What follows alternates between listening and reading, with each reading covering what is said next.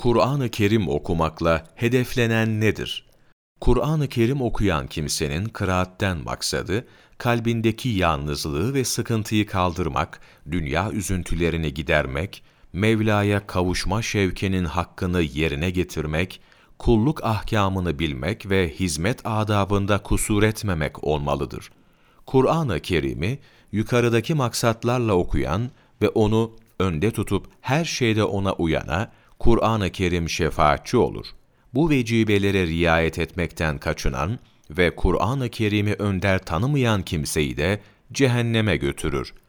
Kur'an-ı Kerim gençlikte öğrenilmelidir. Geceleri Kur'an-ı Kerim'le kaim olunmalıdır. Ashab-ı kiramın geceleri Kur'an-ı Kerim ile ihya ettikleri meşhurdur. Hasan bin Ali radıyallahu an Kur'an'ı virt, vazife olarak okurdu. Hazreti Hasan radıyallahu an gecenin evvelinde, Hazreti Hüseyin radıyallahu an gecenin sonunda okurdu. Kur'an-ı Kerim okuyan kimsenin güzel ahlakı ve beğenilir işleriyle başkalarından ayrılması da sünnetlerdendir.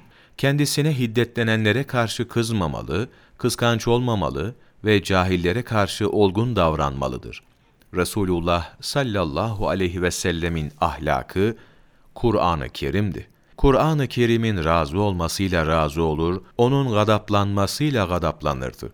Nitekim Halisa kitabında bildirildiği gibi Hazreti Ayşe radıyallahu anhadan Resulullah'ın sallallahu aleyhi ve sellem ahlakı sorulduğunda onun ahlakı Kur'an'dır buyurdu. Kari yani Kur'an-ı Kerim'i ezberleyen kimse ashab-ı kiram arasında rengi sarı, bedeni zayıf, herkesin güldüğünde ağlaması çok, insanlar neşeliyken onun kalbini hüzünlü, herkes kibirliyken o huşu içinde ve iftar edenler arasında oruçlu olmasıyla tanınırdı. Hazreti Osman radıyallahu an çok okuduğu için iki mushaf eskitmişti. Ahmet bin Hanbel rahmetullahi aleyh buyurdu ki, rüyada, Ya Rabbi, sana en eftal olan amel hangisidir diye sordum. Kelamım olan Kur'an-ı Kerim'i okumaktır buyurdu. Manasını anlayarak mı yoksa anlamadan mı diye sordum.